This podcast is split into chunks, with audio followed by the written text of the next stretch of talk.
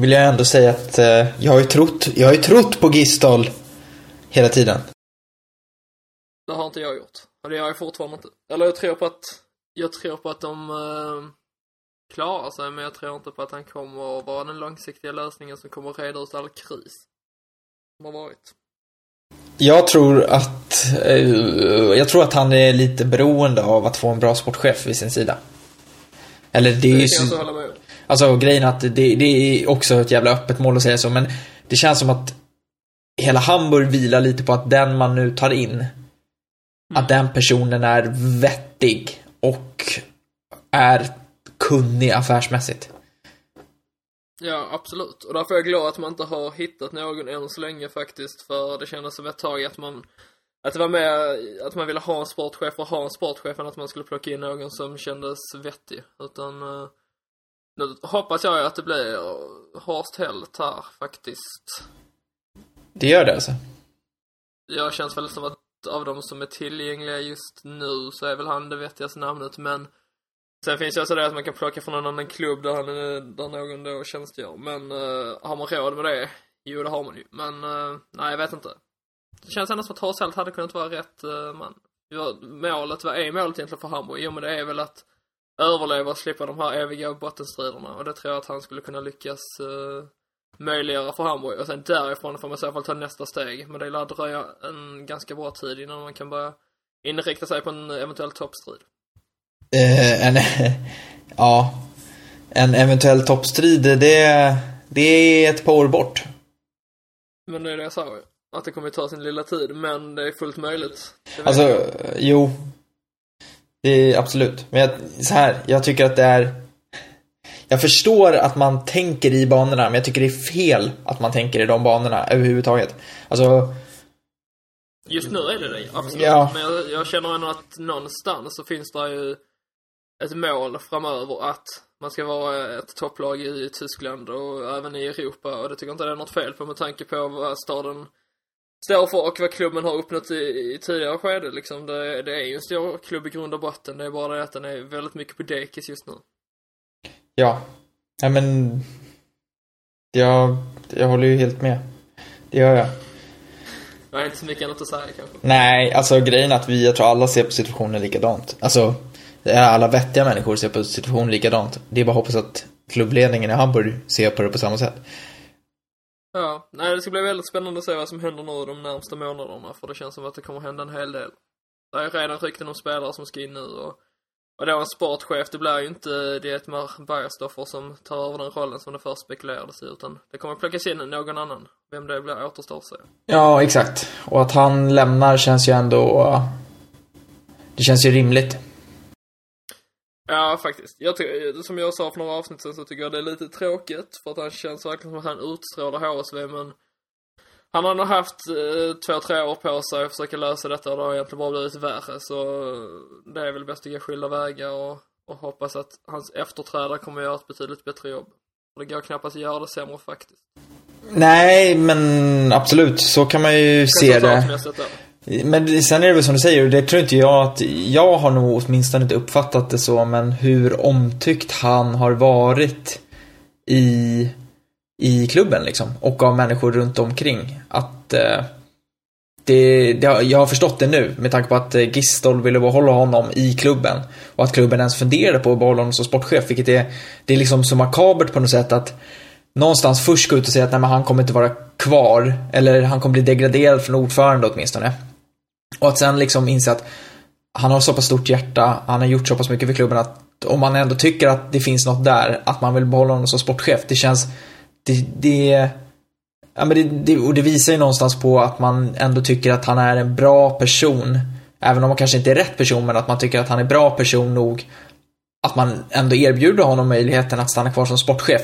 Visserligen säkerligen högst medveten om att han inte kommer ta det, men jag tycker det säger rätt mycket om att han ändå, trots alla motgångar, är eh, omtyckt liksom. Nej men absolut, det är han ju. Men sen får man också ställa sig frågan hur stor del har han egentligen i de här motgångarna? För det är ju inte han som eh, står på planen och det är ju inte han som står vid tränarbänken heller. Utan han har ju positionen ovanför. Och, och jag tycker en av de spelarna han har plockat in, han har plockat in Filip Kostic som gjorde det bra i Stuttgart och han har ju kommit igång nu får man säga. Uh, lagets bästa spelare kanske tillsammans med Nikolaj Müller. Douglas Santos kan man ju ställa sig fråga, eh, frågan till med tanke på vad han kostade. Eh, det känns ju inte som någon mycket, bättre, eh, någon mycket större förbättring än uh, som spelade där innan på vänsterbacken. Och sen Matenia som har kommit in och ersatt Adler någon hyfsat. Ehm, så det tycker jag väl ändå att värvningarna i somras var det inget fel på. Halilovic givetvis är en superflopp, det kan man inte säga någonting annat om. Uh, men, nej jag vet inte. Jag tycker han har fått för mycket skuld och det är alltid så att man ska hitta någon syndabock när det går dåligt för klubben. Och oftast är det tränaren som får det, men det är väl spelarna egentligen. Det känns som att mentaliteten i truppen är ju helt... Jag vet, jag hade velat vara i omklädningsrummet en, eh, en vecka och se hur snacket går egentligen inför matcherna. Det känns som att det är väldigt tveksamt till, till hur stämningen är där. Hur, hur känns det att eh, Halilovic har blivit en sån flopp? På ett sätt känns det ganska väntat och på ett sätt känns det jättetråkigt. Uh, när han kom så var jag väldigt exalterad som du säkert minns. Ja, ja det, det, är därför jag frågar. För jag tror att alla som har lyssnat på den här podden har vetat hur du har talat dig varm om Halilovic, eller hans potential åtminstone. Mm, men det var väl inte konstigt att man hade höga förväntningar, så kommer han till en klubb som Hamburg. Det känns som att han skulle kunna utföra underverk där när han får en nyckelroll, men istället har han inte alls kommit till sin rätt och nu kommer han troligtvis lånas ut i, i vinter, kanske till och med ha gjort sitt i klubben. Det får vi se hur utlänningen går, vad den nu bär av, men Självklart är det jättetråkigt att säga, en, han har ju potential någonstans men det verkar som att han inte har slitit tillräckligt hårt på träningarna och då tycker jag inte heller att han ska få chansen utan man måste ju slåss för sin plats i truppen och, och sen får man slåss också för sin plats i startelvan och han verkar inte vara villig att göra det än så länge så Kanske han behöver komma iväg ett halvår, börja om igen, flytta tillbaka till Spanien blir det då förmodligen och sen kommer han då till, till sommaren och försöker igen och skulle det inte fungera då så är det ju bara till att sälja honom helt enkelt för det har han nog ingen, uh, inget i Hamburg att göra för i mina ögon så ska vi vara ett bättre lag till nästa säsong. Såvida vi inte åker ut som uh, vi fortfarande inte kan utesluta men men nej, där finns mycket att jobba på för hans del och där finns mycket att jobba på för Hamburgs del. Så kan vi väl summera det hela. Även om det nu börjar se, se en, ja, mycket ut om man ska vara ärlig. Men eh, kan han överhuvudtaget komma tillbaka? Alltså jag tänker på det samtalet vi hade för ett par veckor sedan när du sa att eh, Nabbe hade blivit petad till stor del för att han egentligen inte pratar tyska. Halilovic mm. lär ju med största sannolikhet inte heller prata tyska, han går väl säkert på tyska lektioner, men alltså med det i åtanke så känns det inte som att så länge Gistol är kvar så länge Halilovic inte har några stora chanser att kunna etablera sig. Och jag tycker att det är intressant för att det du tog upp så att säga som en, en eh, nackdel för Nabbe och eh, där vi satt, jag tror alla vi tre, eh, satt och liksom var så här okej, det här, det låter underligt, så i tysk media så har det framställts det har inte varit lika, jag tror, jag tror du vet mer än någon annan, för i tysk media så har de ju pratat om lite kring det här med att Gissel har gått in och satt vissa saker, men man har ju bara, alltså vissa regler i omklädningsrum och så, men det har ju endast sett som positivt. Det du sa kändes ju verkligen som, som, som negativt till viss del. Ja, men självklart så beror det inte enbart på att man inte kan prata tyska så man inte får spela. Hade det då Halilovic till exempel varit bäst i laget men inte kunnat tyska hade han självklart ändå fått spela. Men jag tror att det påverkar mycket och, och just det skedet som Gistel kom in här när vi löser Pyr till, då är han ju väldigt mån vid att ha en startelva där spelarna jobbar för varandra. Han bytte till exempel kapten då från Giroud till Sakai och Sakai är ingen spelare som har framstått som kaptensmaterial tidigare men tydligen så är han rätt eh, man för det jobbet vad det verkar för nu har ju laget verkligen kommit igång och jag tycker att han tar sitt ansvar på planen.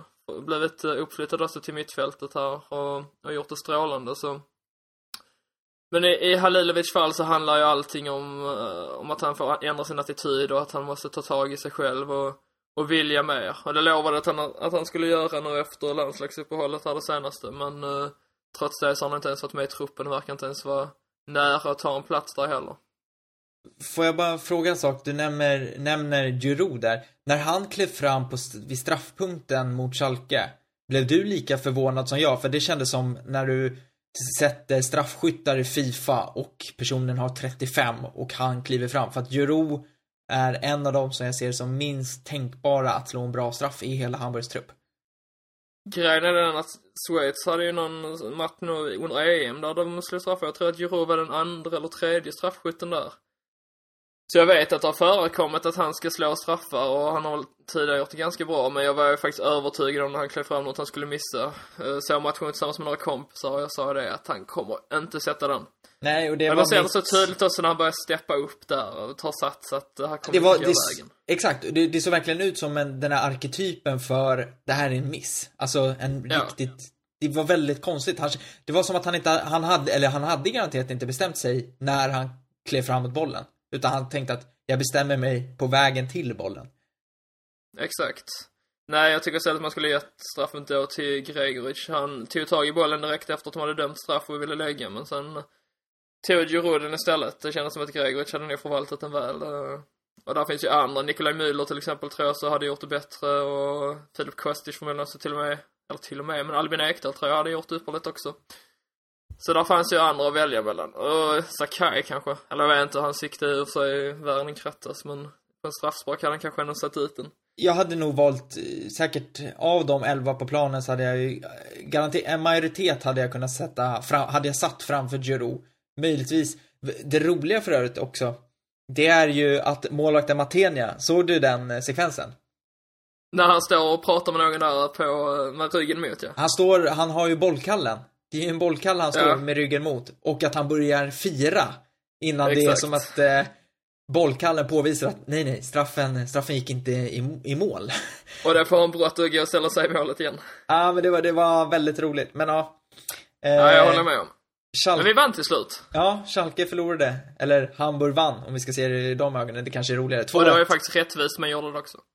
Ja, och eh, det där får ju vara vårt införsnack. Nu rullar vi igång eh, vignetten. An Tagen wie diesen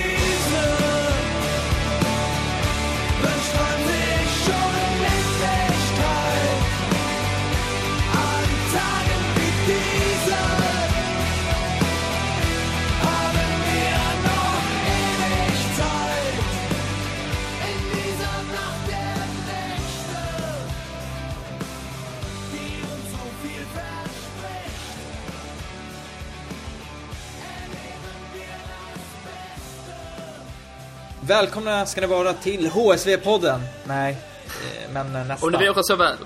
Ja, om det exakt. En dag, en dag Filip, kanske En vacker dag. kan du köra. Men eh, ja, nej, det blev lite Hamburgsnack. Vi, det är kul att prata Hamburg. Det känns som att eh, av de klubbar som finns i Bundesliga så är det nästan uteslutande alltid roligt att prata Hamburg. Inte för att det liksom är i positiv bemärkelse så, men att det, det finns alltid mycket att säga om den klubben och det som sker. Exakt. Så det är ju aldrig lugnt i Hamburg, så... Så det är glädjande för min del som då gillar att prata om Hamburg. Ja, det, ja men det är, Hamburg är innehåll. Det, fin, det finns någonting där. Eh, till skillnad från att typ prata Darmstadt, där man känner att nej, behöver inte så mycket energi. Jag tror inte att, vi hade kanske inte pratat lika mycket Hamburg om du inte hade varit med i podden, men jag tror att vi hade pratat en hel del Hamburg, för det finns, som sagt, det finns en Ja, hel man har del ju märkt, man har ju märkt att du tycker om att skriva texter på Fotbollskanalen med, med ämnet Hamburg, så.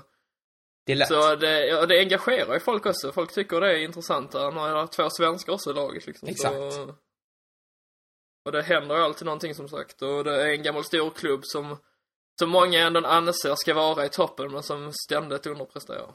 Det känns ju som att, eh, angående skrivande, att jag, jag har kommit igång igen med mitt skrivande. Jag har haft en liten, en period när jag inte skrivit så mycket och nu har jag typ skrivit en text om dagen de senaste två, tre veckorna, vilket är Sett till vad jag, alltså på Fotbollskanalen så, jag, jag har inget krav på mig hur mycket jag ska skriva. Det finns liksom inget kvantitetskrav mer än att man ska försöka sikta på att kanske skriva varannan dag eller så här, tre gånger i veckan, eh, något sånt där. Ja, Och nu, nu har jag verkligen nått upp till en nivå där jag är över det. Och det känns som att det har funnits det har funnits så mycket att skriva om varje dag, där jag haft tankar och sånt. Och sen så kommer de här veckorna man vet ju liksom att nu, nu när vi går in mot våren, att det kommer komma en period i april typ, slutet mars, början april när ligan antingen är avgjord eller så, men det, det brukar komma perioder när det finns typ inget att skriva om, man känner bara att ja, det, det spelar ingen roll. När man är i något sorts vakuum. nej men det kan jag relatera till. Ja men det är jättekul att du är igång. För mig är det tvärtom. Jag skriver typ ingenting längre för jag är så himla stressad med allting annat. Men jag hoppas kunna ta nya tag snart. Jag har en analkande flytt som jag ska ta itu med så. Är det så? Vart ska du flytta?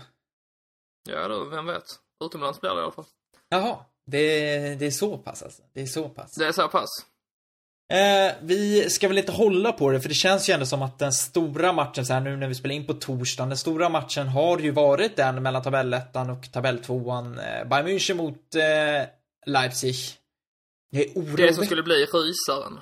Det skulle vara rysaren. Det är oroväckande många som säger Red Bull Leipzig och det, det, det är ju fel. Det stör mig jättemycket för det är inte korrekt. Uh, fast hade de haft tillåtelse att heta Red Bull Leipzig så hade de hetat Red Bull Leipzig. Ja, men absolut. Då hade AIK haft eh, möjlighet för 15 år sedan att heta Åbro AIK så hade de säkert hetat Åbro AIK. Men de hette inte Åbro AIK liksom. Eller Falcon Hammarby eller vad fan man nu vill. Jag tycker det är för jävligt. Alltså de heter Rasen Ballsport Leipzig. RB Leipzig, absolut. Men Red Bull Leipzig, det är ju inte sant. Alltså det är, det, det är fel. Nej, inte om man ska vara helt korrekt. Men eh, jag säger också själv eh, RB Leipzig, så, men eh, jag tycker Ja. väl ändå att någonstans ska man inte dölja det här heller, att det är Red Bull som står bakom laget. Till exempel arenan heter ju Red Bull Arena, så. Jo, men där har de ju köpt namnrättigheten. Absolut. Nej, jag vet. Nej, men jag håller med dig som sagt i grund Men- och botten. Ja, nej, alltså, och det är väl flera. Jag tycker det bara är underligt att det, det, jag gillar inte tanken på att det börjar bli etablerat med Red Bull, för det visar ju på att det de har gjort någonstans, det fungerar ju, för det är ju det här, det är ju det här de vill ha som ändeffekt. Att folk säger Red Bull istället för liksom RB eller Rasenballsport eller vad man nu vill.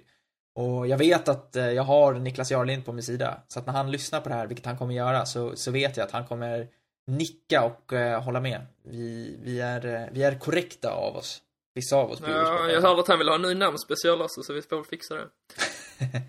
Eh, ja, Hur som helst, någonting jag ska säga som jag såg igår, det är alla de här bilderna då som kom upp på eh, sociala medier under kvällen med en krossad eller söndertrampad Red Bull-burk. Är inte det tröttsamt att se?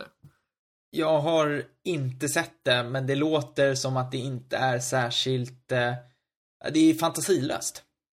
Ja men du vet att de har ju så här Red Bull Red Edition och den eh, drog Bayern Münchens egna Twitterkonto upp där där Forsberg åkte på en utvisning.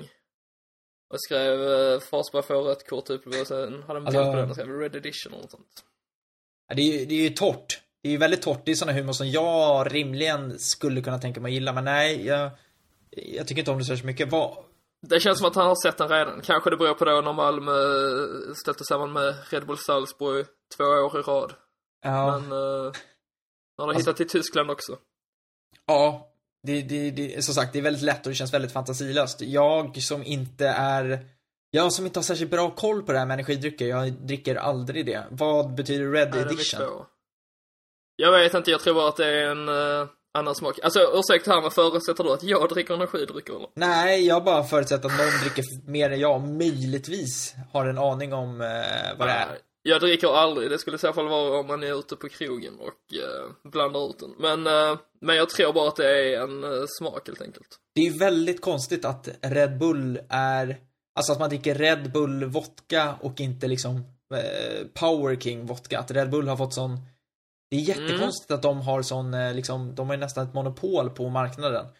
Eh, Tänker man på en energidryck så ser man ju den högst patenterade, runda, avlånga Red Bull-burken framför sig. Men verkligen, det är väl också den som man blev först introducerad till där när man gick på typ mellanstadiet liksom. Ett energidryck som var så häftigt, var, det var liksom Red Bull som gällde. Och sen Så- gick det ju en av de här kidsen och köpte Euroshoppers för att den var billigare. Exakt, ja, för Red Bulls är ju dyrare. En sån där liten kostar typ 20 spänn.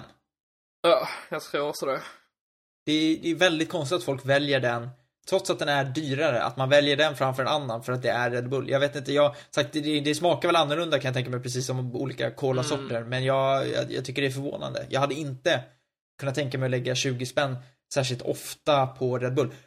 Vill du veta vilka som faktiskt köper väldigt mycket Red Bull? Jag har ju suttit i kassan på Coop, så jag kan ju jag kan berätta att det finns ett visst, eh, en viss yrkesgrupp som jag skulle framhäva som mest trogna Red Bull. 74-knägarna och skoleleverna. Nej, det är eh, taxichaffisarna faktiskt. Ja, men det skulle jag nästan kunna gissa på. Ja, taxichaffisar dricker enorma mängder Red Bull. Alltså väldigt, väldigt vanligt. Taxi Stockholm här uppe då som, som nu heter Taxi 020 och sånt där kanske heter. Men eh, det är eh, väldigt, väldigt vanligt att de går in och så köpte de liksom Red Bull och ett paket Marlboro. Väldigt, Jag väldigt ska vanligt. säga två, två burkar Red Bull och ett Japp typ. Ja, nej, men det är på den nivån. Där är lunchen räddad. Ja, väldigt snabbt, snabbt intag. Eh, Exakt. Kan gå på nästa kund direkt. Men ja. Eh, vad ska vi säga? Ja, som du sa, det skulle vara en rysare på Allianz Arena Mm. och eh, det blev ju långt ifrån en rysare. Verkligen. Det var ju avgjort redan efter 20-30 minuter. Ja, alltså 1-0. Ska vi säga så att Leipzig hade väl den första riktiga möjligheten att, att sätta 1-0 i typ den fjärde minuten när Paulsen var framme, eller Paulsen. Eh, om man nu ska uttala det säkert korrekt på danska. Pratar för övrigt väldigt bra tyska. Gjorde ju en sån här intervju, flashintervju med Sky efter matchen och jag Han har väl varit där ganska länge nu, har han inte det? Tre år i alla fall. Det måste, jo men det måste han ha varit, för han gick ju dit när de spelade i tredje divisionen. Så, ja, fyra kanske till och med. Ja, det är inte omöjligt. Han är väl en av de få som har varit med på resan under en lång period. Eh, De är väl en tre, fyra stycken som har varit med rätt länge. Mm. Men, eh, ja nej, och eh, den läge, det läget hade de. Och sen så kändes det som att Bayern bara tog över, satte 1-0 där med Thiago. 2-0 med Alonso, följt av då Forsbergs utvisning. Först och främst så här, Forsberg, var rätt eller fel? Att han fick rött kort? Ja. Ja, men det går inte att argumentera för någonting annat än att det skulle vara ett rött kort. Alltså det var, det var ju lite liknande med Paolo Guerreros tackling mot uh, Ulreich för då några år sedan som vi har pratat om tidigare här på den också. Ja, men det, det, Det, var ju inte det är en smal referens, men jag älskar den. Ja, men det, det var ju faktiskt en liknande situation. Nej, det var det kanske inte riktigt, för uh, Guerrero försökte inte förhindra ett anfall direkt, men men det var en liknande tackling i alla fall, en bra bit ifrån och sen bara slänger man sig ut med dobbarna och, och fäller honom. Uh, det är överraskande att domaren drog upp det gula kortet. Ja, jag såg, jag, jag ska ärligt säga att först tänkte jag, ja men det, det känns rimligt med gult, men sen när man ser reprisen, alltså det är, och det hade ju blivit gult, för domaren såg väl precis som jag, att jag såg inte hur det träffade, men det är ju makalös otur att han träffar, alltså med så, det är ju det enda, det är just i den där liksom tusendelen som han har en sån öppen sula och där Filip Lams liksom hälsena är så perfekt liksom mot den. Det, det, det, han har sån extrem otur Forsberg i det läget. Känns ju som att Forsberg borde vara snabbare än Larm, så han egentligen skulle jag bara sprungit om honom och ställt sig framför honom. Men, eh, nej det var tråkigt att se. Jag tycker det var ett oförtjänt Ja, avslut på hans eh, höstsäsong som många redan har punkterat. Ja, exakt, han har varit väldigt, väldigt bra. Men rött kort fick han, eh, det avgjorde matchen nu, avstängd i, i tre matcher. Eh, Som alltid Tyskland, jag, har all- jag har inte riktigt förstått varför det alltid blir så att när man får ett rött kort så ska det gå till någon domstol som gärna tilldömer en eller två matcher till. Ett rött kort för mig är alltid, det är en match liksom. Om det inte är extra farligt. Men jag tycker att Ja, det är må- precis. många gånger de går in och lägger till ett par matcher efterhand. Men det betyder att han inte kommer att kunna spela Forsberg då förrän den 11 februari mot Hamburg såklart. Ja, exakt. Och det var ju kul att vara på plats på Red Bull Arena och se den matchen. Mm. Ska det vara det? Eh, det är väl inte omöjligt. Vi får väl se lite vad som händer här framöver, men eh, det kan ju mycket väl bli så faktiskt. Mm. Forsberg utvisas som sagt och sen så kom då 3-0 av Lewandowski på straff. Jag, jag tycker, jag, den straffsituationen gör mig inte riktigt klok för jag tycker många gånger att det ser ut som att Costa springer in i Gulaschi och inte tvärtom. Men det är liksom som att han söker den straffen väldigt mycket. Men straff blev det 3-0 och sen så var ju matchen, den var ju stendöd i andra halvlek. Bayern borde kanske ha vunnit med fler men ska vi se mer det som att eh, Bayern visade på riktigt vart skåpet ska stå. Alltså det, det var inga diskussioner. Nej, nej men det, jag skrev en text inför matchen här faktiskt också. Lite motsägelsefullt nu när jag precis satt och sa att jag inte skriver någonting längre. Men det gjorde jag. Eh, och där skrev jag just det alltså att eh, antingen så blir det nog liksom att Leipzig bara struntar i all logik och kör över Bayern här. Eh, eller i alla fall besegrar dem. Eller så är det Bayern München som sätter ner foten och visar sina anhängare att det finns ingenting att vara orolig för utan den femte raka ligatiteln den kommer att bärgas. Och jag har sagt hela tiden att jag tror att Bayern eh, kommer ta sin titel och det, det är väl mycket som talar för det efter den här matchen. Ja, tre poängs försprång nu och bättre, betydligt bättre målskillnad. Det här hjälpte ju helt klart eh, till det. Jo, men just det att man visade liksom att nu när man väl, när det var en match som verkligen gällde då, då visar man att man är att räkna med. Sen fick man ju ganska mycket hjälp också här av Leipzig då för de två första målen kan man ju säga att det var ju individuella misstag från uh, Leipzigs spelare och sen blev Forsberg utvisad och sen då straff. Eh, så alla deras mål är ju på något sätt en någon form av uh, misstag, om man ska säga, från en Leipzig-spelare. men men det är ändå, alltså jag tror att de hade vunnit i, i slutändan hur den hade hade sett ut faktiskt. Man hade gjort det där målet precis som man gjorde mot Darmstadt i omgången dessförinnan. Ja, Bayern, alltså Bayern såg ju ruskigt bra ut. Alltså de såg verkligen, och det är som du säger, det kändes som att eh, den här känslan, det var första gången kanske den här hösten som det kändes som att de verkligen gick in med den här inställningen av att nu jävlar. Alltså det, det, det såg ut så hos alla spelare. De var verkligen på hugget hela tiden och gav Leipzig inte någon tid alls till att spela sitt spel. För Leipzig var ju, för första gången den här hösten så ska jag säga att Leipzig såg faktiskt ut som den nykomling som de faktiskt är. Mm, det var väl mot Hoffenheim också i premiären som man kände att de såg väldigt darriga ut, men annars har de ju varit stabila. Sen torskade man nog mot Ingolstadt för ett par veckor sedan, men överlag så har de ju överträffat alla förväntningar och det är kul att kolla på när Leipzig spelar sin fotboll. Det, det är det. Vad tror du den här förlusten betyder för Leipzig nu? Nu går man in i en vila, men tror du att den mentalt kan sätta sig lite i huvudet på spelarna eller tror du att vi kommer att se att Leipzig fortsätter att pinna på uppe i toppen av tabellen? Eh, uh, steger man inte ner från sina rosa moln efter förlusten mot Ingolstadt så har man ju definitivt gjort det nu i alla fall och man inser att man inte är oövervinnliga och det kan nog vara bra för dem i längden. Annars hade det nog kunnat slå, slagit hårt mot dem uh, längre fram under våren här. Men jag, nej, jag tror att vi kommer att få se kvar Leipzig i toppen här. Uh, jag trodde inte det inför säsongen. Jag var helt säker på att de skulle Eh, klarar sig ganska så bra, men jag trodde definitivt inte att de skulle vara så här bra. Men eh, det är nog inte omöjligt att vi får se Leipzig ute i Europa redan till hösten här. Det tror jag inte. Vilket eh, skulle då bekräfta det som Emil Forsberg sa inför säsongen om målsättningen. Men det jag tänker Det är som att, vi pratade ner så himla mycket. det gjorde vi, men eh, det, det är ju väldigt, väldigt viktiga matcher nu direkt efter jul. Alltså de kommande tre matcherna är, det är två hemmamatcher. Den ena mot Frankfurt och den andra mot Hoffenheim. Och sen så har man Dortmund borta. Det, man, jag ska inte säga att man inte tar några poäng, men det skulle ju inte vara helt överraskande om man inte kommer därifrån med fler än en poäng. Nej, men definitivt inte. Det, den kommer att betyda mycket i inledningen här. Eh, det ska bli väldigt intressant att se. Det skulle ju kunna bli ett ras, absolut. Eh, där finns sina svagheter. Det såg vi inte minst nu mot Bayern här och, och som jag har poängterat tidigare så har man ju kvar samma lag i stort sett som man hade under försäsongen i Schweiz och det ser det inte alltid så stabilt ut. Jag kommer ihåg när jag såg dem mot St. Pauli till exempel, som då också var en toppklubb och då förlorar man ju, man ser inte alls bra ut. Så jag tror att det skulle kunna komma en formsvacka men jag tror faktiskt ändå att det, det kommer räcka till en Europaplats så det ska man vara väldigt nöjda med. Och förmodligen så kommer man ju förstärka sig nu i vinter på en eller två ställen i, i truppen.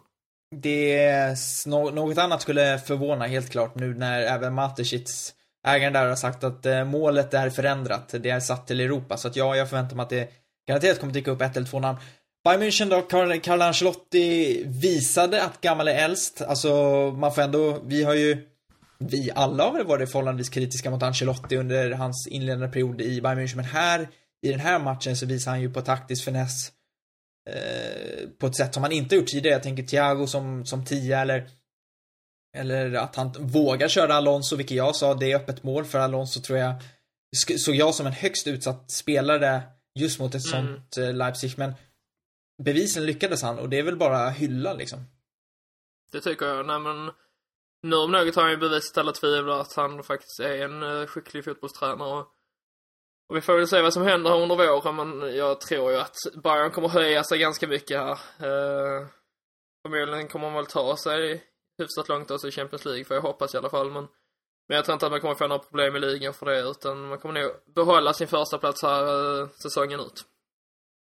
Och på tal om eh, spelare in så sägs det ju dels så lär Arjen Robben förlänga i januari, det gick eh, klubben ut med igår, att man eh, förväntar sig att det kommer ske. Och sen så sägs det ju att eh, Hoffenheim-duon, eh, Niklas Sule och eh, Sebastian Rodi, är mer eller mindre klara för klubben. Vad, eller hur reagerade du när du hörde det? Att eh, Niklas Sule lägger dit är ingenting som förvånar mig faktiskt, men eh, men Rudi trodde jag inte. Jag har aldrig tyckt att han har varit särskilt bra. Den här säsongen har han ju varit fruktansvärt bra däremot, men eh, överlag så har jag alltid sett honom som en medelmåtta och inte förstått vad han har haft i landslaget att göra. Eh, men nej, jag kan inte säga att det skulle bli no- någon större succé i Bayern faktiskt. Kanske det blir en Tim Timborowski som går dit en säsong och sen flyttar han tillbaka till Hoffenheim eller till ett annat lag inom eh, Bundesliga. Jag tror han kommer få svårt att, att ta en startplats där i alla fall.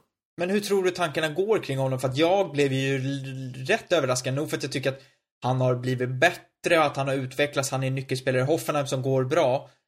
och att det, framförallt så är det ju en flexibelt, alltså, nu, nu, det är bara tyska ord som rullar i huvudet. Insättbar spelare, einsättbar, alltså, alltså han, Ja. han, han är flexibel och kunna spela på flera positioner. Det känns ju lite som att det är nästan en, eh, en backup ifall Philip Lahm skulle bestämma sig för att lägga skorna på hyllan. Ja, absolut. Så skulle det visst det kunna vara. Men frågan är om han är tillfreds med att bara vara backup och få hoppa in där det behövs. Utan jag tror nog att han vill mer än så. Med tanke på att han då också är en landslagsspelare. Han vill ju inte riskera den platsen. Nej, det blir spännande att se och jag är väl lite inne på din linje att det känns som att det är en spelare som han kan lätt bli bortglömd i Bayern München där de tar, eh, alltså det är ingen generös ställe att vara på direkt utan eh, Nej, de... vi, vi såg det senaste exemplet där som Sebastian Rode som, eh, som inte alls lyckades slå sig in och som då lämnade efter ett år bara. Ja, nej. Två år måste han ha varit Var han i två år faktiskt? Ja, det måste han Alltså. ha varit. Och eh, vi ser ju också att eh, samma visa upprepar sig i Dortmund. Det känns som att Rode har siktat lite för högt och kanske skulle ha siktat på stadiet under de absolut bästa klubbarna för att ha en chans. Men hade jag älskat att se honom tillbaka i Frankfurt. Det hade varit häftigt. Jag kan tänka mig att han skulle ha passat i klubben vi nämnde. Hoffenheim rätt bra också, faktiskt. Mm. Eh, Ich habe fertig. Matchen på onsdagen summerade ju toppstriden. Bayern München etta i tabellen. I botten så hittar vi Darmstadt. eh, Vi nämnde Hamburg. Och eh, den kanske största nyheten det är ju att eh, det har skett ett tränarbyte i Mönchengladbach. Mönchengladbach förlorade mot Wolfsburg på tisdagen. På onsdags förmiddag gick man ut med att André Schubert fick lämna klubben ett väntat beslut och jag hade inte förväntat mig någonting annat. Ersättaren heter Dieter Hecking och han presenterades officiellt idag. Och nu när jag sitter och kollar på min Twitter så ser vi ett, eh, ja, det, jag vet inte om man ska kalla det för sammanträffande, men 2009, 20 22 december, då presenterades Hecking som ny Nürnberg-tränare. Den då. 22 december 2012, då presenterades han som Wolfsburg-tränare. Och nu, den 22 december 2016, så presenteras han som tränare i Gladbach. Rätt val Ja. av eh, Mönchengladbach. Det tycker jag definitivt. Eh, Det har väl bara varit som jag väntat både på det att Schubert skulle få lämna och att Häcken skulle få ett nytt jobb här och kanske han har väntat själv på att eh, det skulle bli en plats ledig då i Gladbach. Jag tycker i alla fall att det känns som en som det väntade valet och jag tror inte att han kommer att misslyckas där. Nej, det, det känns som att det är eh, helt rätt. Alltså sett till vad som fanns på marknaden så kändes det ju som att det fanns få alternativ som slog Häcken. Jag tror vi nämnde det väl i någon podd för ett tag sedan. Att eh, han var ett av de namnen som fanns tillgängligt som klubbarna skulle kunna liksom ge slag i och ta. Ja, Ja. nej men det har ju varit det bästa som har varit ledigt helt enkelt. Ja, och jag tror att hans väldigt tydliga ledarskap passar rätt bra enligt Mönchengladbach som under Schubert har, det känns som att de har slängt lite åt alla håll och kanter. Nu kommer ju Häcke in, han kommer nog sätta en väldigt tydlig prägel på laget. Och framförallt så finns det ju en enorm potential i det lag han har. Alltså det är ju ett, det är ett otroligt underpresterande Mönchengladbach så att får han bara några skruvar rätt, då känns det ju som att Mönchengladbach kommer att resa sig rejält under våren. Det ska väl mycket till för att det ska gå sämre i alla fall än vad det har gjort här under hösten. Det kan man väl slå fast. Mm. Eh, Häcking i Mönchengladbach blir spännande att se. Wolfsburg som också, det har ryktats om att de skulle göra sig av med Ismael som eh, tränare. Han ser ut att bli kvar, åtminstone sett till kommentarerna som eh, har sagts i veckan. Leverkusen har ju också diskuterats om Roger Schmidt. De fick ju 1-1 mot Köln, men mycket tyder på att han kommer att bli kvar. Eh, Rode Föller gick ut efter matchen mot Köln, sportchefen i Leverkusen, och sa att eh, de vill fortsätta med Schmidt. Eh, hur ser du på det ställningstagandet från klubben? Att Schmidt blir kvar? Ja, att de följer min hashtag rör inte Roger. Jag skulle precis säga att de har väl lyssnat på det Adam. Uh, ja men det då, då är återigen den här saken, vem ska de plocka in istället? Det är den, eller eviga frågan. Nu är ju Häcking också borta här och namnen som finns tillgängliga är väl inget som slår jättehögt. Så det är väl att man kör vidare kanske. Nu är jag ju inte imponerad av vad, vad Leverkusen har presterat här under hösten och tror inte att någon annan är heller men så länge det inte finns något annat namn så, så har jag ingen anledning heller till att sparka honom. Nej, eh, och där håller jag helt med. Nu såg det dessutom förhållandevis bra ut mot eh, Köln, så att eh, jag tror att Leverkusen, de kan ha någonting på gång. Utan, mm. jag ska inte lova för mycket, men eh, mitt tips om att de skulle sluta tvåa i tabellen, det känns stendött. Eh, ärligt talat, 15 poäng bakom Leipzig och det kommer de... Sa all... du inte att de skulle bli ett, ett till och med? Jag sa att de skulle utmana Bayern München. Jag sa inte att de skulle bli etta. Jag har tippat dem som tvåa. Det vill jag lova. Alright, alright. Okej, okay. kän... nej men, uh, ja. ja. Nej, kör på. Nej, jag vet inte. Jag, jag vet inte vad man ska säga riktigt. Det är många lag som underpresterat här under, under hösten och, och Leverkusen är som sagt ett av dem. Men det är en annan Schmidt som jag också tror hänger löst och vore det inte då för den lite turliga segern mot Hamburg här under den gångna helgen så tror jag nästan att han hade varit borta vid det här laget. Med tanke på att de då torskade med 3-0 mot Frankfurt uh, nu i veckan. Jag tror inte att Martin Schmidt hänger särskilt löst i Mainz.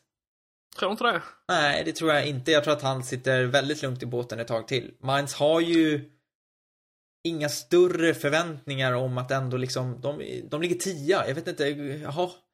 Eh... Nej, men om vi då säger som så här, om man nu hade förlorat mot Hamburg så mycket väl hade kunnat ske. För Hamburg hade ett öppet mål till 2-0, men Nikola Müller lyckades på något sätt träffa ribban och sen missade han hela målet en meter framför uh, mållinjen. Men uh, uh, hade, då hade de haft 17 poäng. Det är ett en poäng ovanför, eller mer än vad Bremen, Gladbach och Wolfsburg har som, uh, som är med i bottenstriden här. Mm. Uh, nej, jag, jag, vet inte. Jag har bara svårt att säga det. Mainz uh, har större ambitioner och så. Men jag håller med dig. Det är väl samma sak där att det finns inget annat namn. Men jag tror ändå att man hade nog kunnat fundera på att göra så med honom. Jag eh, tror att man hade velat igenom tid eftersom att man haft Europa League och att man skulle kunna se det som en anledning till att det inte har gått särskilt bra i ligan. Inte så som man önskat. Men de kommer ju, sett till vad de har gjort nu, säg att de, jag tror att de kommer ta lite fler poäng på våren, då kommer de hamna en bit över 40 poäng och det tror jag att man är rätt nöjda med i Mainz ändå. Så länge man inte är involverad i bottenstriden så tror jag att man tänker att det får fungera liksom. En säsong när man har haft Europa League åtminstone. Ja, förmodligen. Alltså man kan inte ställa allt för höga krav på Mainz heller, men jag vet inte vad, vad de hade inför mötet med Hamburg. Var det fem raka matcher utan vinst? Och sen tog man då tre poäng där sen och torskade mot Frankfurt. Så och hade de då haft sju förluster i följd, det hade väl inte varit något att hänga granen direkt och gå till juluppehåll med.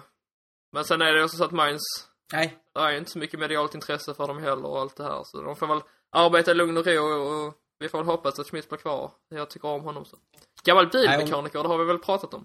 Ja, jag tror att vi har pratat om det. Också gammal off-pist-åkare som har slitit av eh, eh, sin, eh, vad, oh, vad heter band, korsbandet sju gånger. Oj, jäklar. Ja, det är en true story. Jag vet inte om det är samma korsband, men han har slitit av korsband eh, sju gånger. Jag tycker jag får också... se varför han slutade med skidor. Ja. Jag tycker också det är värt att notera att Freiburg ligger på åttonde plats på 23 poäng. Vilket eh, ytterst få hade trott. Jag skulle vilja sålla mig till de som faktiskt ändå trodde på Freiburg inför säsongen. Men att de skulle gå så här bra, det hade jag inte trott. Och det är väl tack vare också att många av de väntade lagen har gått betydligt sämre än förväntat. Men 23 poäng, då ska det mycket till för att Freiburg inte kommer lyckas att säkra ett kontrakt under våren. Det kommer behövas kanske 10 poäng till på ja, 18 matcher. Det förväntar jag mig. Och Christian Streich kommer nu här i dagarna att också att fira fem år som tränare för Freiburg. Är den tränare som suttit längst på sin eh, tränarpost i, eh, av alla Bundesliga-tränare. Och det har han gjort sig förtjänt av. Absolut. Hoppas det blir fem år till. Minst. Minst fem år till. Vi ska bli färdigt. Jag tycker också att vi bör ta upp, även om det egentligen inte har med fotboll att göra, men Hertha gick ju och vann i veckan. Eh, i, på onsdag mot Darmstadt med 2-0. Och det känns ändå rimligt att vi någonstans kommenterar lite vad som skedde i Berlin. Och åtminstone vi alla vet väl om vid det här laget liksom att eh, det var en, vad man tror i alla fall, misstänkt terrorattack och det satte ju lite stämpeln för hela Bundesliga-omgången. Eh, inte minst i Berlin då, som spelade hemma och det var väldigt tydligt när Plattenhardt gjorde sitt mål att de, de ville inte fira riktigt. Eh, men bara så här, eh, kände du, hur kände du när du läste nyheter? För att jag, när jag läste om det här, fick ju direkt en rätt jobbig känsla i magen. Jag var ändå på julmarknad i Berlin så sent som förra året och jag har varit på den här julmarknaden vid otaliga tillfällen. Eh, det brukar ju vara så att jag åker, åker till Tyskland inför jul och firar antingen i, i Hamburg eller i, i Berlin. Eh, och jag tyckte det faktiskt var eh, förhållandevis jobbigt och jag tycker det är, jävligt, eh, det är väldigt, väldigt tråkigt liksom. Ja, men självklart är det jättetråkigt.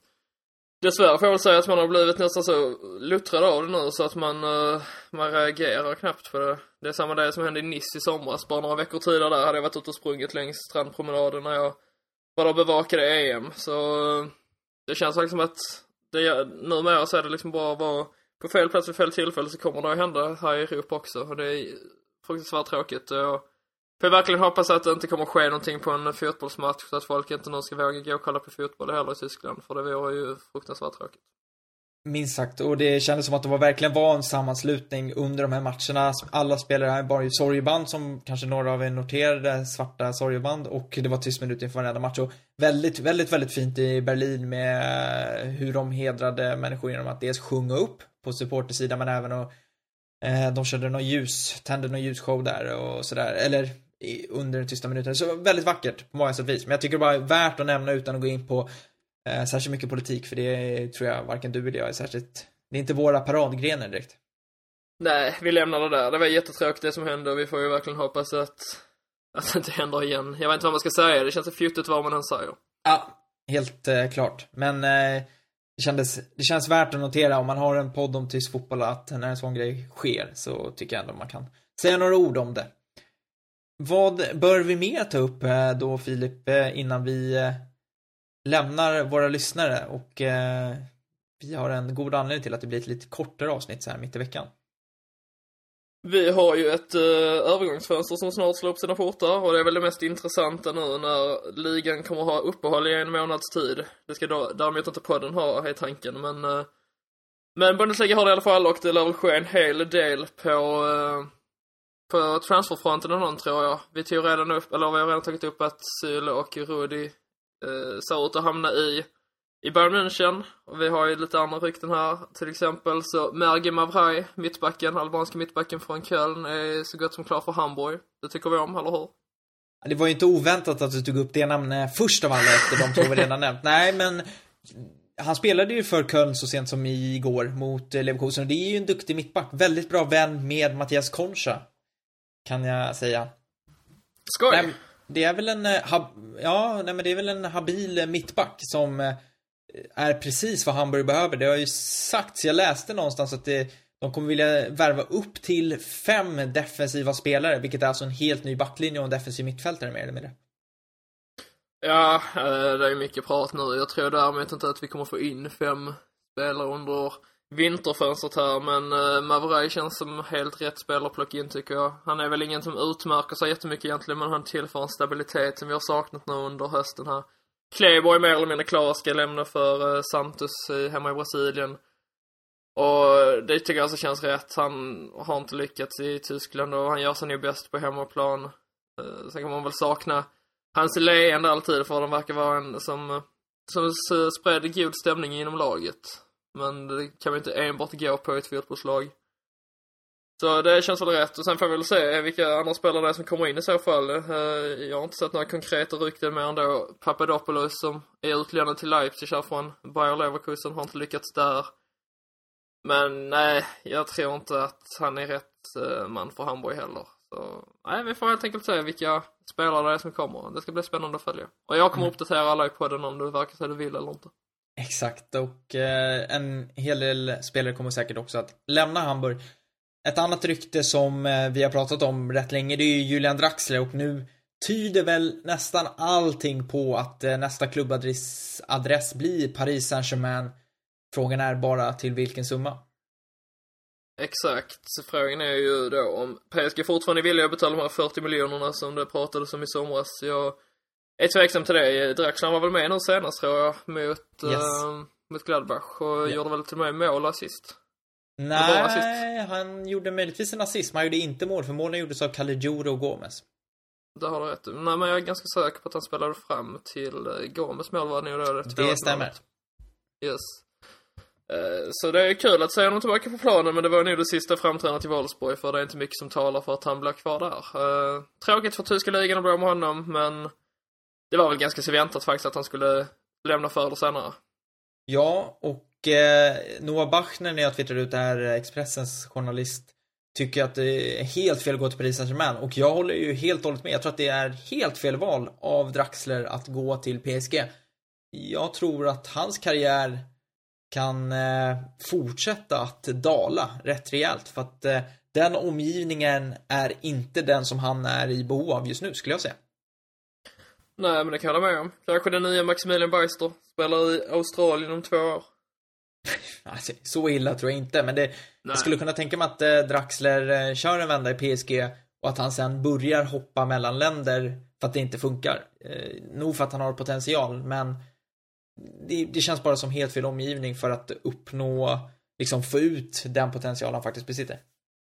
Jag tycker att Draxler känns som en sån spelare som behöver spela ett sämre lag. Och där han verkligen får vara stjärnan. Och egentligen är väl kanske Wolfsburg då rätt lag sett till, sett den här bilden. Men tänk honom i typ ett Frankfurt eller, ja varför inte i Hamburg? Jag tror att han har fått ut större potential där.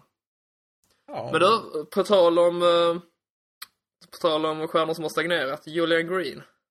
Ja, som eh, lämnar Bayern München eh, för Stuttgart. Var utlånad till Hamburg. Ha, stjärna. Det, det är väl att ta i. Nej men eh, stjärntalang i alla fall. Ja, fast ja, absolut. Det var han ju det var ju för några år sedan. Men eh, han slog ju, han var ju aldrig riktigt nära att slå igenom. Jag vet att vi tror, vi- jag tror att det finns, det måste ju finnas ett poddavsnitt från i somras när vi sa att är det nu Green kommer? Det här precis innan Mm. säsongen. Han, han fick ju spela mycket i Bayerns träningsmatcher och verkade göra det jag såg så var han rätt bra. Eh, måste jag Ja, säga. men Men, eh, nu blir det Stuttgart och Zweite Bundesliga. Jag tror att Julian Green, eh, ja, vi kommer aldrig få se honom på högsta nivå. Eh, det, det har jag svårt att tro. Nej, men det håller jag så med om. Tycker det är ändå kul att han eh, äntligen tar steget till en annan klubb och inser att han inte kommer lyckas i Bayern. Sen har jag hört att Stuttgart inte heller verkar vara rätt klubb för honom med tanke på att de har rätt många spelare på samma position där, så det kanske blir en hel del bänk där också. Vilket, vilket jävla öde. Ja, men så är det. Han tjänar väl ganska mycket pengar i alla fall, så det får han vara nöjd med. Absolut, absolut. Och i amerikansk media så kommer han alltid att vara ett gångbart namn att skriva om. Så att, eh, ja, Definitivt. alltid något. Ett Finns bra fler? namn har han också, måste jag säga. Vad sa du? Ett bra namn har han också. Ja, det, det kan jag faktiskt Ett hålla av med om. ligans bästa. Ja, det vet jag däremot inte. Men eh, ja, det, det är rätt okej. Det ligger bra i munnen. Finns det några fler eh, transferrykten som vi eh, bör ta upp just nu? Vi kanske ska ta två till då. Vi har en svensk och så har vi eh, en tysk. Vi kan börja med tysken då, Marco Reus, som återigen kopplades samman med en flytt till England och den här gången är det till eh, Arsenal. Tycker inte du att det är lite förvånande ändå? Med tanke på hur mycket han har varit skadad. Att det fortfarande liksom finns klubbar. Jag vet att det är en bra fotbollsspelare, men att det liksom så snabbt blir rykten. Han har ju knappt spelat. Nej, men med tanke på vad han kostar så är det konstigt att eh, det skulle finnas eh, klubbar som är intresserade. Men sett till hans talang så är det definitivt inte det. Men eh, jag, i egenskap av sportchef så hade ju aldrig gjort en sådan affär. Med tanke på hans skadehistorik. Jag Exakt. vet ju att han, när han väl är på planen så levererar han. Men han är på planen för sällan och i Och när han väl är så blir han utvisad också. Ja, nej men, nej jag, jag har, jag tycker att han är en jättebra spelare. Jag har lite svårt att se att han skulle vilja lämna Dortmund om jag ska vara helt ärlig. Och framför allt då för, för jag vet, jag har pratat om Arsenal framför allt och jag har så svårt att se honom i Arsenal. Jag måste säga det. Jag hade kunnat se Draxler i Arsenal men jag har lite svårt att se Royce i Arsenal. Mm, nej men jag tror inte det kommer ske heller men Men eh, Arsenal ska i alla fall ha visat intresse och kommer säkerligen göra ett försök nu i vinter. Det hade inte förvånat mig. Men jag tror inte heller att Dortmund kommer sälja honom faktiskt. Nej, Även Det- om de borde göra det. Exakt. Och det har vi sagt tidigare. Ja. Och eh, svenska spelaren, vem eh, tänker du på då? Då tänker jag så mycket som på Robin Quaison i Palermo som eh, ryktes till Hoffenheim. Vilket är fascinerande. På många sätt och vis. Eh, jag har ju hört, man, jag har inte jättebra koll på Quaison. Jag vet att det är många som tycker om honom. Jag vet att han verkar vara en rätt talangfull spelare. Men eh, just det här, eh, jag tycker det är fascinerande. Jag, jag vet ju inte eh, mycket om honom, men jag tror att Hoffenheim är en väldigt bra miljö för en ung spelare med stor potential. Just nu med dessutom Nagelsmann som tränare. Jag tror att det finns väldigt goda möjligheter att kunna göra karriär i Hoffenheim. Mm, nej men det, det håller jag helt med om. Det här, alltså, jag, jag kan inte heller mycket om Quaison, men det, jag hade ju älskat att se honom där. Och om det nu är så att eh, det stämmer att Hoffenheim har ett intresse för honom så känns det som att det är helt och hållet Nagelsmann som ligger bakom det. Att han vill ha in honom. Kanske det är som en ersättare till Rudi rakt av. Och det hade varit väldigt spännande att se. Ja, det hade det varit och eh, för oss som följer och inte minst skriver om tysk fotboll så är det ju alltid ett plus i kanten att eh, ha svenskar i ligan för då ökar ju intresset lavinartat. Det minns man ju från när inte minst Albin Ekdal kom till eh, Tyskland. Mm. Och sen under eh, succén av Forsberg så har det också skrivits betydligt Exakt. mer än vad det gjorts tidigare. Verkligen. Och att, att Forsberg dessutom, dessutom valde de bra klubbar. För att både Hamburg och Leipzig är intressanta klubbar att skriva om och att läsa om. Hoffenheim, not so much, men kanske till följd av att de har Nagelsmann som tränare, att den, ändå det finns någonting man kan få liksom läsaren att eh, en anledning till varför de skulle vilja ta del av Hoffenheim utan att egentligen följa klubben. Mm, definitivt. Nej, men eh, Quaison till Hoffenheim, det skulle jag säga, det, det vore ett bra val av, av honom.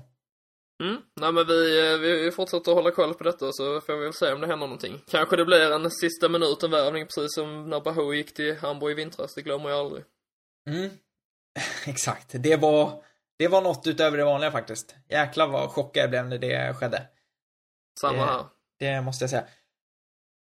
Och med eh, det där så ska vi ju kanske börja runda av det här avsnittet eh, som eh, blir lite, det blir inte mycket kortare än det vanliga, men lite kortare. Och vi ska säga att Andreas är, eh, han är på resande fot. Han är uppe i Piteå för att fira jul tror jag. Så att, eh, och inte kunna ta med sig mick heller. Nej, tydligen inte. Det är så konstigt det där. Eh, De kanske inte har fått internet i Piteå än. Nej, skulle inte förvåna mig. Dålig stil, Andreas. Ja, nej men så att Andreas kommer vara lite offline eh, framöver. Så att eh, därför så är det jag och Filip som kör. Och eftersom att det här blev ja, marginellt kortare än ett vanligt avsnitt så kommer vi också att släppa ett eh, specialavsnitt efter julafton, troligtvis juldagen, där vi lite summerar hösttabellen också där. Så att eh, lyssna gärna in och ha koll på podcastflödet. Nu när ni har tid för att ni är lediga så, så tycker vi att det är helt rätt att ladda ner ett avsnitt och, och lyssna. Det tycker jag. Fira jul med Bundesliga-podden i öronen. Exakt. Eh, Det, det, det borde man göra. Det låter som en trevlig stund att komma bort från eh, skinkan, eh, Och släkten. släkten och allt annat. Om ni vill följa oss på sociala medier så är det Twitter som gäller. Mig hittar ni på snabla AT Nilsson och Filip hittar ni på Jag har ingen Twitter längre. har, Jo. Nej, jag har tagit bort min. Skojar du nu eller? Nej, det är sant. Nej. Jo. Du har inte tagit bort din Twitter. Nähä. Har du, tagit, har du tagit bort din Twitter? Jag har tagit bort min Twitter. Varför har du tagit bort din Twitter för? För att eh, livet handlar så mycket, om så mycket mer än bara likes och antalet följare. Det, det här är ju sensationellt. Ja. Va, vad är det? Volym jag, med nolla istället för o är borta. Det här är... Men jag finns på mail. filip.volin.svenskafans.se eller .com eller uh, filip.hsvsverige.se Så där kan ni önska mig god jul tycker jag. Absolut, och med, eh, ja, med den bomben så, så, eh, ja. Så, Så rundar vi av med lite härlig julmusik Avs- och så säger vi från Weihnachten alla tillsammans. Ja. Genau. Tschüss. Ciao!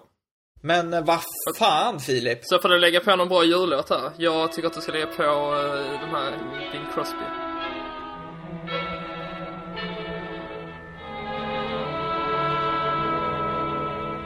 I'm dreaming of a white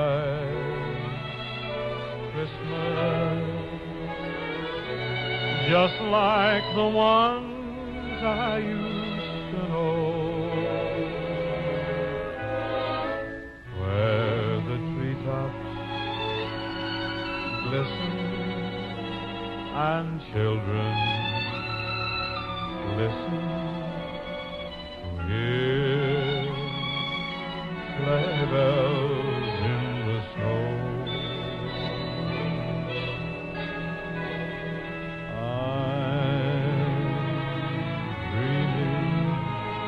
of a white Christmas with every Christmas card I write. May your day be merry and